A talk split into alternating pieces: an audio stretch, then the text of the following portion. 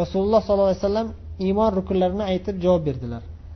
Qola sadaqta keyin jabroil alayhissalom yana nima dedilar? To'g'ri aytding dedilar. Yana boyagi gap keladi ya'ni o'zi savol berib yana to'g'ri aytding degan gap keladi. Ya'ni u gapni qayta takrorlab o'tirmadilar lekin bir marta aytgan o'zi yetadi ya'ni tepada. Keyin yana uchinchi savol berdilar jabroil alayhissalomda. Aytdilarki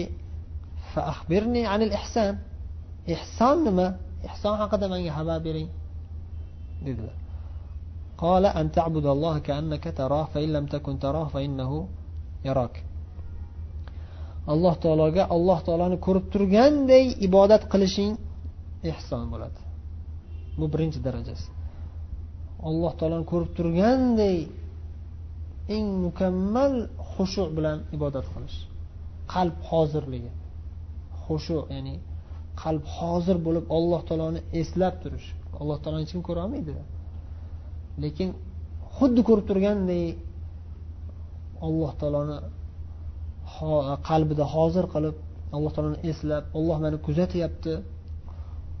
Ba'zilar shu oliy darajaga yetishadi. Shu darajada oliy darajaga yetishadiki xushu hudu e, allohni qalbda hozir qilib umuman boshqa narsaga xayol ketmaydi. Faqat u faqat alloh taoloni eslaydi eslagan holatda ibodat qiladi. Mana shu eng oliy darajasi. Ikkinchi darajasi sen ollohni ko'rmayotgan bo'lsang olloh seni ko'rib turibdi. Shuni eslagin ya'ni. Ya'ni sen alloh taoloni ko'rolmaydi hech kim. Lekin qalbi to'la hozir bo'lishi ham qiyin. Hamma ham shu darajaga yetolmaydi hayoli ketib qoladi u yoqqa bu yoqqa shunda hech bo'lmasa ikkinchi daraja esdan chiqmaydi. Olloh seni ko'rib turibdi. Alloh taoloni ko'rib turganligini eslagin degan ma'noda aytdilar.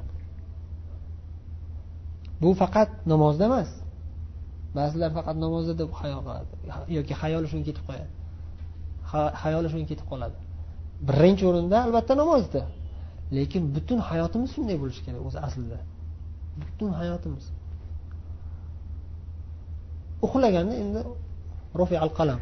Uxlaganingizda qalam ko'tariladi o'zingiz ham bilmaysiz uxlayverasiz uyg'onganingizdan boshlab doim keyin yana uyqungiz kelib uxlab qolguningizcha ollohni eslab yurishingiz eng oliy daraja. Darajatil ihson alal maratib. Eng oliy martaba.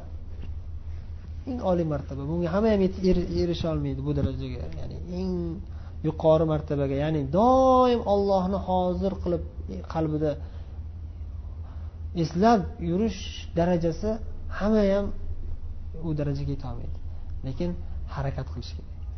Harakat qilaversa qilaversa o'shanga erishadi xudo xohlasa.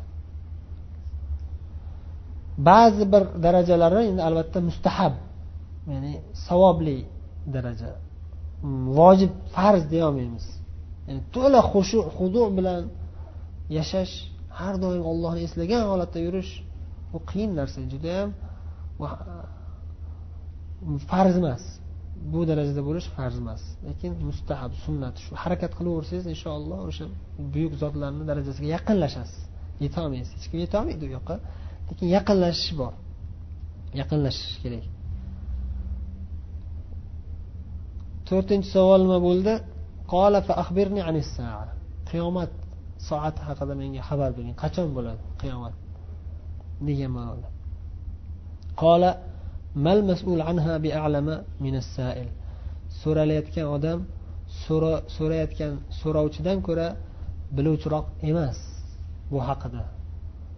Qiyomat haqida so'ralayotgan odam so'rayotgan odamdan ko'ra yaxshiroq bilmaydi. Hamma bir xil bu masalada bandalar ya'ni. Ya'ni men ham bilmayman sen ham bilmaysan men ham bilmayman degani va qiyomatgacha shunday.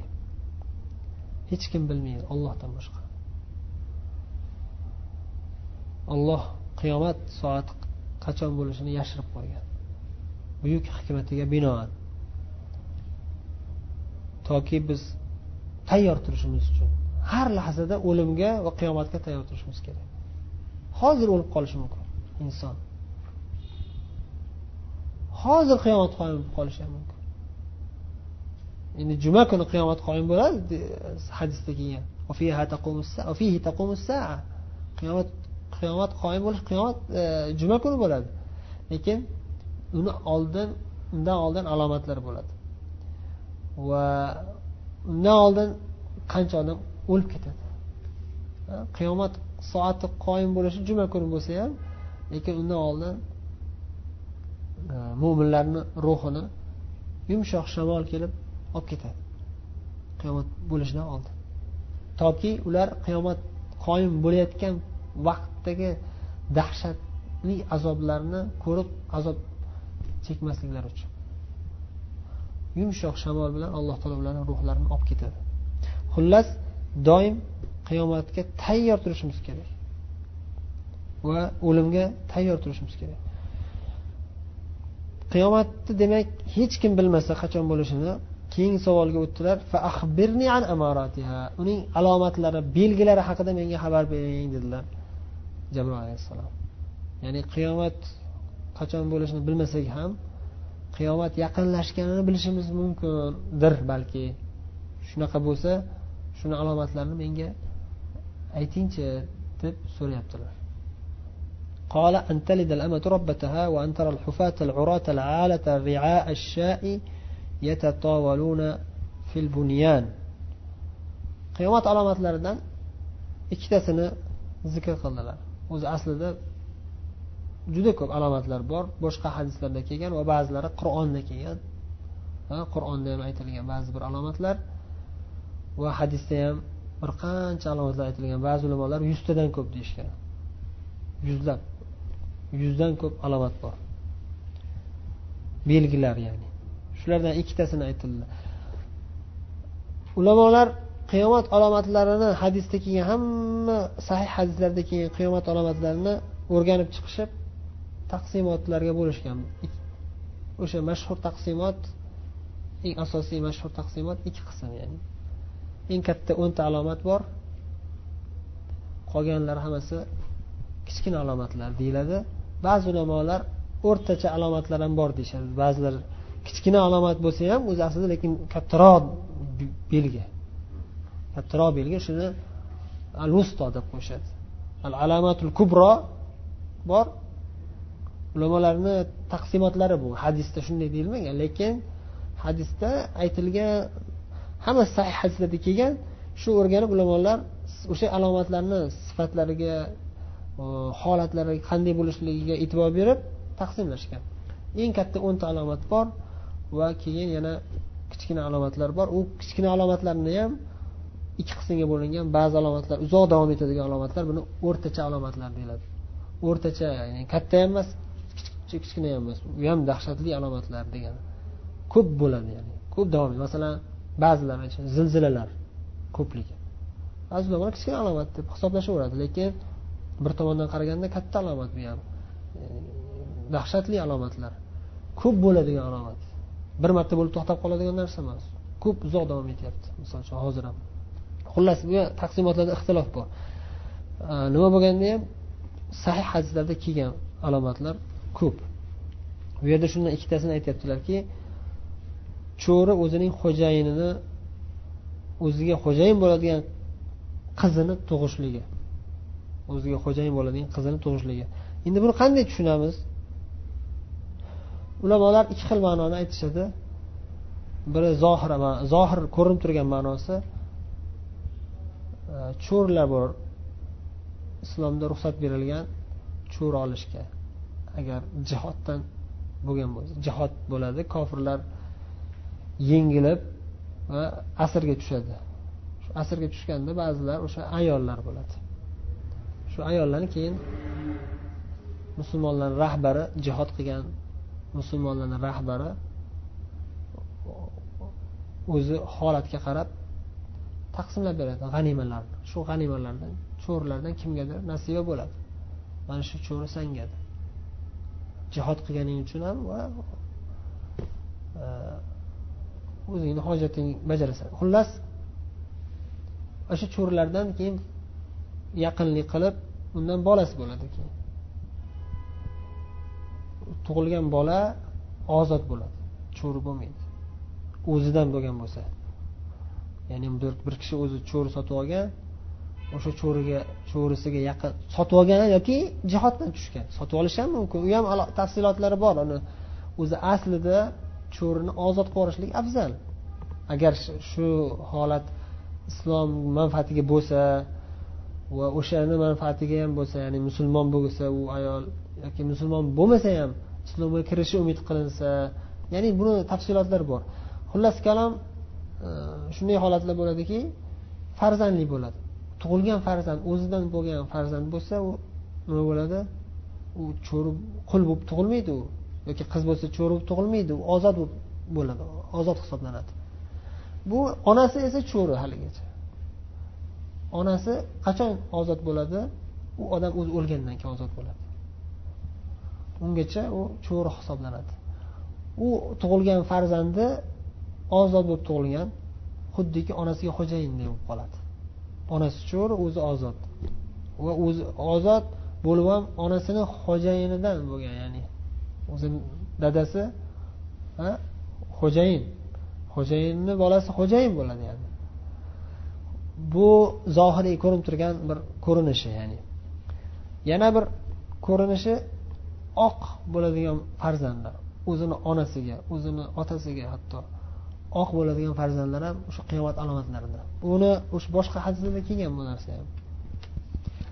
Allohu alam. Uquq ko'payib ketishligi kasratul uquq ota onalarga oq bo'lish ko'payib ketishligi.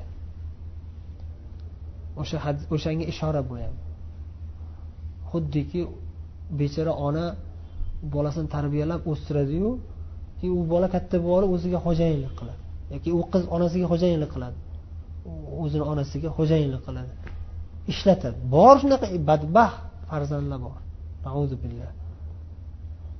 Ota onasini uradigan ota onasini xo'rlaydigan qiynaydigan yaramas farzandlar bor. Shular ham nima? Qiyomat alomatlaridan achinarli holatlar qiyomat yaqin bo'lganligiga ishora qo'rqishimiz kerak bu holatlarni ko'rib qo'rqishimiz kerak allohga yolvorib tavba qilib iltijo qilib turishimiz kerak qiyomat qoyim bo'lishi yaqin bo'lib qoldi وأن ترى الحفاة العراة العالة رعاء الشاء يتطاولون في البنيان oyoq kiyimi yo'q bo'lganu va hatto kiyadigan kiyimi ham yo'q yalang'och oyoq yalang yalang'och al ala kambag'al Odamlar. Hufat degani hafi degani oyoq kiyimsiz yurish yurgan odam hafi deyiladi. Urat umuman kiyim kiymasdan yuradiganlarni urat deyiladi. Uryan uryan degani o'sha yalang'och odam. Kiyim kiymagan yalang'och odam. Shuni ko'pligi nima? Urat al ala muhtoj faqir degan.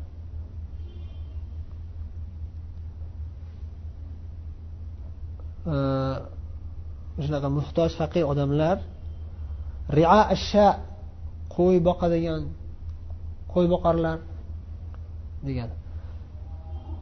Yatatovaluna fil bunyan. Imorat qurishda bir birlaridan uzun imorat qurishda poyga o'ynaydilar o'zi kecha qo'y boqib yurgan oyoq kiyimi ham yo'q hatto umuman kiyimi ham yo'q bo'lgan judayam bir nochor holda yurgan kambag'al odamlar birdaniga boyib ketib baland baland imorat qurishda bir birlaridan poyga o'ynaydigan bo'lib ketadilar. Shunday holatni ko'rsanglar demak qiyomat yaqin. Qiyomatni belgisi bu dedilar. Shu ma'noda aytdilar. Bu narsani o'zinglar ko'rib turibsizlar. Mana hozirgi zamonda. Hozirgi turgan joyinglarda yashab turgan shaharinglarda shu narsa bo'ldi. Ko'rinib turibdi. Mana e, bir birisidan poyga o'ynayapti imorat qurib odamlar hammasi. Va faqatgina qavatida ham emas. Ba'zilar qavatida poyga o'ynaydi bu besh qavat qursam man nima kamim bor? O'n qavat quraman deb. Lekin adadida ham. Bittasi bitta gostinitsa qursa e nima u man orqada qolaman o'nta gostinitsa quradi bittasi kelib. E, butun mahallalarni yer sotib olyapti boylar arablar kecha ana shular cho'pon bo'lib qo'y boqib yoki tuya boqib nochor holda yashab yurgan arablar bugun katta katta mahallalarni sotib olib uylarni qurib sotyapti bo'lyapti. Shu imorat qurishda bir birlaridan foyda o'ynashyapti. Qiyomat yaqin. Qo'rqib turishimiz kerak. Alloh gunohlarimizni kechirsin. Summan taloq shu savollarni so'raganlaridan keyin javoblarini eshitgandan keyin ketdilar intaloqa degan ketdi degani deyaptilar umar roziyallohu anhu keyin bir vaqt ma'lum bir vaqtgacha o'tirdik. Hayron bo'lib o'tiraverdik. Nima bo'ldi endi? Kim kimga ko'p foydalarni olib ilm o'rganib haligi ilm bu judayam chuqur ilmda bu. Butun din hozir aytadilar o'rgangan ilmlarni chuqurligini va ichidagi ma'nolarni tafakkur qilib qolib ketishdi bir tomondan tafakkur qilib qandayyam chuqur ilm oldik xursand bo'lib. Yana bir jihatdan odam keldi ketdi. Kimligini ham bilmadik. Shunday ma'nolar chiqadi. Bir vaqt turib qoldik bir vaqt o'tirib qoldik. Ma'lum bir vaqtgacha o'tirib qoldim deyaptilar. O'zlarini haqida ham aytyaptilar. Boshqa rivoyatda falabitna maliyan bir vaqt turib qoldik degan rivoyat ham kelgan. hamma hayron ya'ni ثم قال يا عمر أتدري من السائل keyin rasululloh sollallohu alayhi vasallam aytdilarki shu vaqtgacha indamay turdilar rasululloh sollallohu alayhi vasallam yana bir rivoyatda kelishicha orqasidan odam yuboradilar bor qara chaqirib kel u chiqib ketgan odammi degan borib chiqib qarasa yo'q hech kim ketib bo'lgan yo'qolib qolgan endi agar e, Э, har qancha tez yurganda ham otda chopib ketayotganda ham uzoqdan ko'rinardi. Yo'q. Asorati ham qolmagan. Keyin shundan keyin bilganlar. Alloh qalblarga ilhomlantirib qalblarga ilhom berib ha demak jibril ekan deb bilganlar payg'ambarimiz sollallohu alayhi vasallam. Keyin aytganlar jibril. Atadri sail dedilar. So'ragan so'rab savol bergan shu odamni kimligini bilasanmi ey umar dedilar qultullohu va rasuluhu alam alloh va rasuli biluvchiroqdir dedim dedilar قال فإنه جبريل أتاكم يعلمكم دينكم bu jibril edi ya'ni jabroil alayhissalom jabroil desa ham bo'ladi jibril desa ham bo'ladi ikkita qiroat kelgan qur'onda jibril deb kelgan qur'onda hozir biz o'qiydigan e, qiroatda jibril deb keladi hafs an asim Boshqa qiroatda jabroil deb keladi. Sahih hadislarda ham bor. Atakum yuallimukum dinakum. Sizlarga diningizni o'rgatish uchun keldi. Shuning uchun sadaqta deganda o'zi biladi bu savollarni. To'g'ri aytding deganini e, hikmati shu. O'zim bilaman degani ya'ni jibril ekanliklariga ishora bo'lgan u معنى تلد الأمة ربتها أي سيدتها o'z xo'jayinini tug'adigan cho'rilar chiqishi bo'lishi degani أي سيدتها أذن خجين ومعناه أن تكثر السراري حتى تلد الأمة السرية بنتا لسيدها cho'rlikka olingan cho'ri o'zining sayyidiga xo'jayiniga qiz tug'ib berishligi e, bo'lib shunday holatgacha boradigan darajaga borib saroriylar ko'payib ketadi saroriy surriyadan jami ya'ni asrga tushgan ayollar ya'ni kofirlardan asrga tushgan ayollar.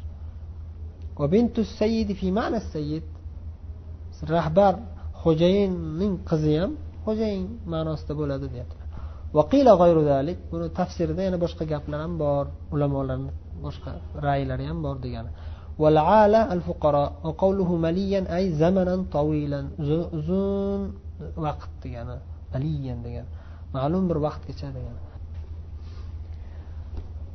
jazakumulloh xayr alloh rozi bo'lsin endi bu hadisni sharhini boshqa fursatda yoki balki keyingi darsdami ba'zi bir foydalarini zikr qilarmiz hozir ancha o'zi uzayib ketdi dars ham alloh ajrini bersin bugun shu yetadi bugunga سبحانك اللهم وبحمدك نشهد أن لا إله إلا أنت نستغفرك ونتوب إليك